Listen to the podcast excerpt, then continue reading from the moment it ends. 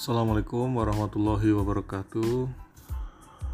Selamat siang, sore dan malam uh, pendengar podcaster dari Haji Rahman Saleh.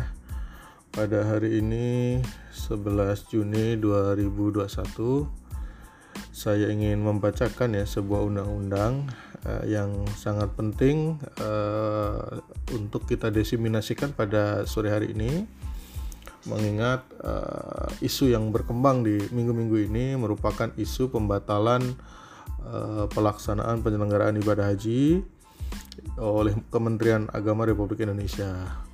Jadi uh, isu yang sebenarnya merupakan uh, benturan antara manajemen pengelolaan pemberangkatan ibadah haji uh, yang mungkin Kementerian Agama tidak bisa uh, melakukan uh, penyelenggaraan itu dalam waktu yang singkat ditambah uh, keputusan dari kerajaan Arab Saudi yang uh, belum keluar ya jumlah kuota yang Indonesia dapatkan dan lain sebagainya itu belum keluar sama sekali. Sehingga kita uh, menunggu ya menunggu itu dalam ketidakpastian itu Kementerian Agama kemudian mengambil keputusan untuk membatalkan uh, penyelenggaraan ibadah haji di tahun 2021. Nah, isu ini kemudian berkembang ya, masuk ke dalam ranah uh, ranah uh, pengelolaan keuangan haji ya. Jadi kalau jamaah nggak berangkat terus duit hajinya ke mana ya? Beberapa tuduhan kepada pemerintah dalam hal ini BPKH sebagai badan pengelolaan keuangan haji uangnya digunakan untuk infrastruktur lah dan lain sebagainya gitu ya. Tapi kita mungkin podcast ini tidak akan masuk ya di uh, pembahasan itu tetapi uh, akan membacakan ya Undang-Undang uh, Republik Indonesia tahun uh, 2014 nomor 34 ya tentang pengelolaan ibadah haji ya. Sebenarnya uh, gimana sih uh, keuangan haji ini dikelola gitu ya Undang-undang ini terbit tahun 2014 atas persetujuan DPR dan e, pemerintah secara bersama e, merespon ya tentang e, banyaknya e, penumpukan e, antrian e, bagi jamaah tunggu juga potensi e, akumulasi dana yang bisa dimanfaatkan nilai e, nilai manfaatnya. Nah, untuk sesi kali ini saya mungkin akan membacakan bab satu aja tentang ketentuan umum supaya nanti kita menjadi uh, familiar dengan istilah-istilah yang ada dalam pengelolaan keuangan haji. Ya, saya akan memulai membacakan ya Undang-Undang Republik Indonesia Nomor 34 Tahun 2014 tentang pengelolaan keuangan haji. Dengan rahmat Tuhan Yang Maha Esa, Presiden Republik Indonesia menimbang ayat A bahwa negara menjamin kemerdekaan tiap penduduk untuk memeluk agamanya masing-masing dan untuk beribadat menurut agamanya dan kepercayaan itu sebagaimana yang diamanatkan dalam Undang-Undang Dasar Republik Indonesia tahun 1945. Ayat B bahwa jumlah warga negara Indonesia yang mendaftar untuk menunaikan ibadah haji terus meningkat, sedangkan kuota haji terbatas sehingga jamaah haji tunggu meningkat. Ya. Bahwa peningkatan jumlah jamaah haji tunggu mengakibatkan terjadinya penumpukan akumulasi dana haji. Kemudian uh, ayat D bahwa akumulasi dana haji berpotensi ditingkatkan nilai manfaatnya untuk mendukung penyelenggaraan ibadah haji yang lebih berkualitas melalui pengelolaan keuangan haji yang efektif, efisien, transparan, accountable, dan sesuai dengan ketentuan peraturan perundang-undangan. Ayat E bahwa untuk menjamin pengelolaan keuangan haji yang efektif, efisien, transparan, dan akuntabel, memerlukan payung hukum yang kuat. Ya. Ayat F bahwa berdasarkan pertimbangan sebagaimana yang dimaksud huruf A, huruf B, huruf C, huruf D, dan huruf E perlu membentuk Undang-Undang Pengelolaan Keuangan Haji. Mengingat pasal 5 ayat 1 bahwa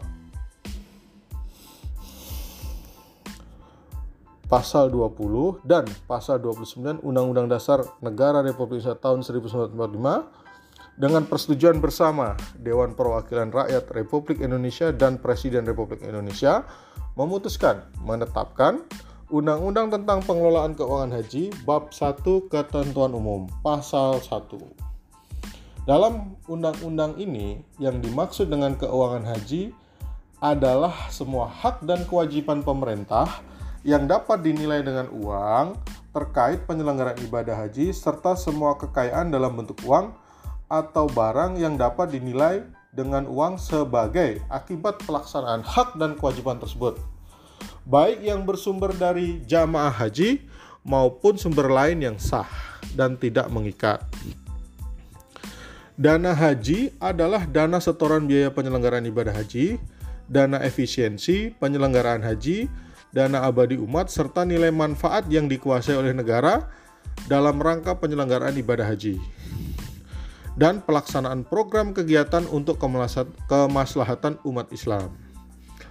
Ayat 3, dana abadi umat yang selanjutnya disingkat DAU adalah sejumlah dana yang sebelumnya berlaku nya undang-undang ini diperoleh dari hasil pengembangan DAU dan atau sisa biaya operasional penyelenggaraan ibadah haji, serta sumber lain yang halal dan tidak mengikat sesuai dengan ketentuan peraturan perundang-undangan.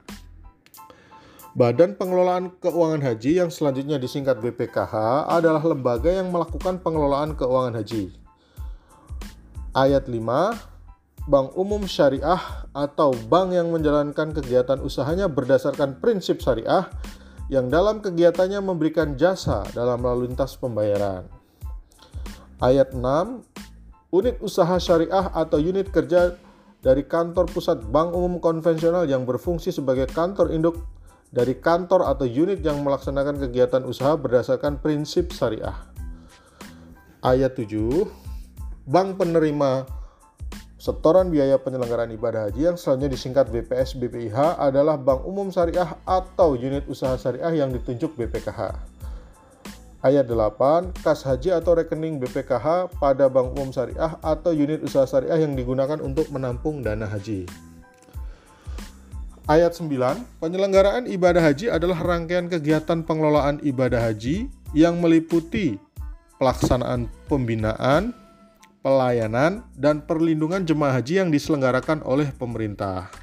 Ayat 10, penyelenggaraan ibadah haji khusus adalah penyelenggaraan ibadah haji yang dilaksanakan oleh penyelenggara ibadah haji khusus dengan pengelolaan, pembiayaan, dan pelayanan yang bersifat khusus. Ayat 11, penyelenggaraan ibadah haji khusus yang selanjutnya disingkat PIHK adalah pihak yang menyelenggarakan ibadah haji khusus yang mempunyai izin dari Menteri PIHK. Ayat 12, biaya penyelenggaraan ibadah haji yang selanjutnya disingkat BPIH adalah sejumlah dana yang harus dibayar oleh warga negara menunaikan ibadah haji. Ayat 13, biaya penyelenggaraan ibadah haji khusus yang selanjutnya disebut BPIH khusus adalah sejumlah dana yang harus dibayar oleh jemaah haji yang akan menunaikan ibadah haji khusus. Jemaah haji khusus adalah warga negara Indonesia yang beragama Islam dan telah mendaftarkan untuk menunaikan ibadah haji sesuai dengan persyaratan yang ditetapkan.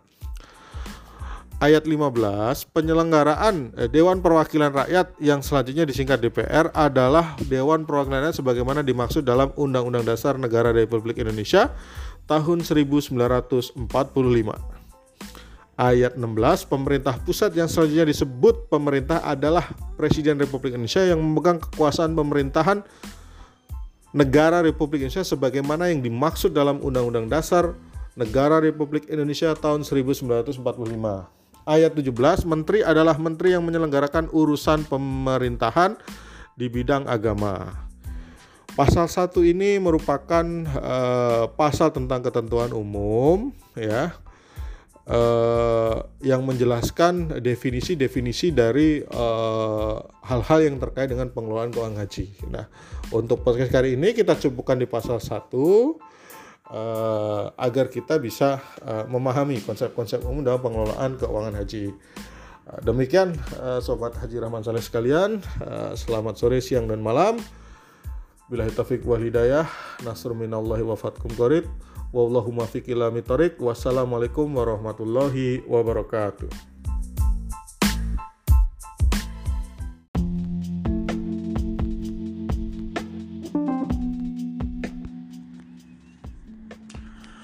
Halo, selamat siang, malam dan pagi.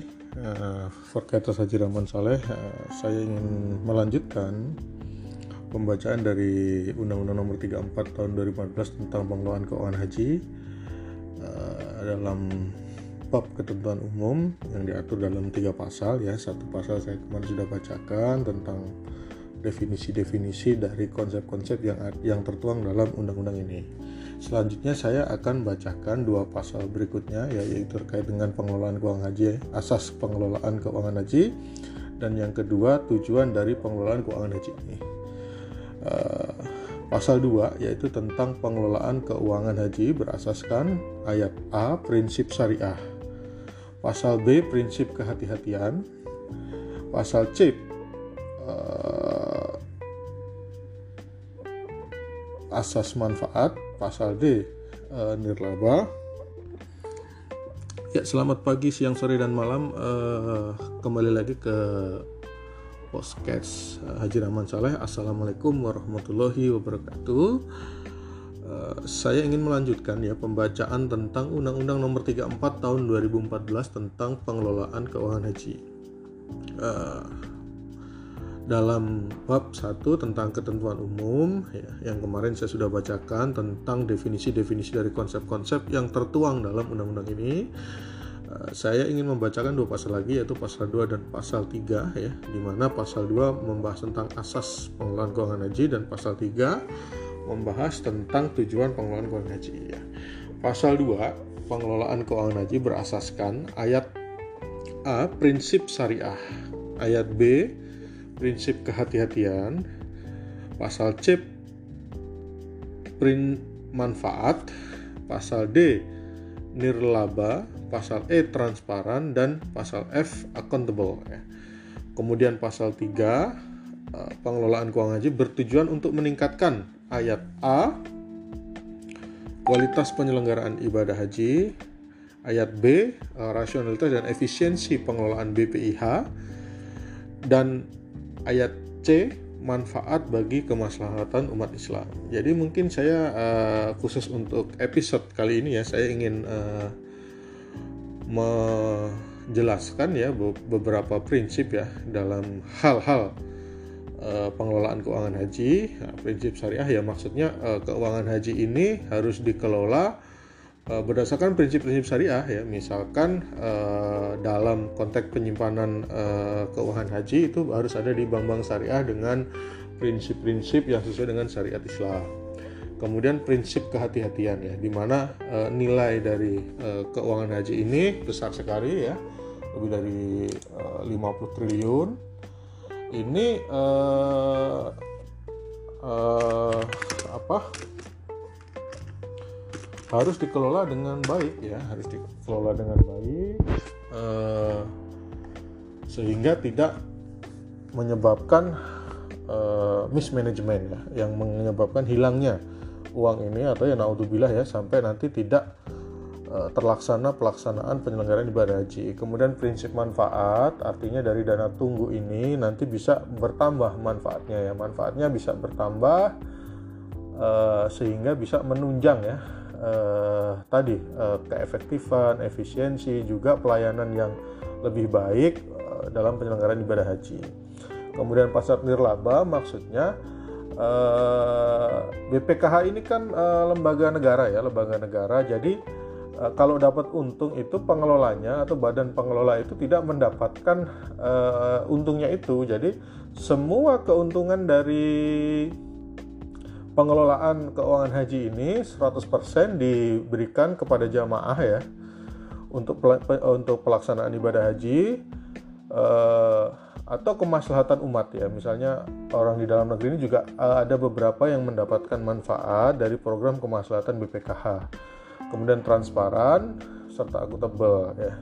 Kemudian tujuan dari dari uh, pengelolaan keuangan haji ini agar kualitas penyelenggaraan ibadah haji itu uh, bagus. Tadi seperti ya saya jadi uh, asas ini menunjang tujuan dari pengelolaan keuangan haji ya, rasionalitas efisien penggunaan uh, biaya penyelenggaraan ibadah haji, kemudian manfaat dan kemaslahatan kemaslahatan bagi umat Islam. Jadi ada program-program yang dari kelebihan manfaat yang dari proses pengelolaan ini, ada kelebihan itu ada bisa menggunakan untuk membantu uh, lembaga sosial Islam, masjid, uh, santri, santunan dan lain sebagainya yang tentunya tidak mengganggu uh, kegiatan utamanya yaitu penyelenggaraan ibadah haji. Demikian podcast uh, kita pada kali ini.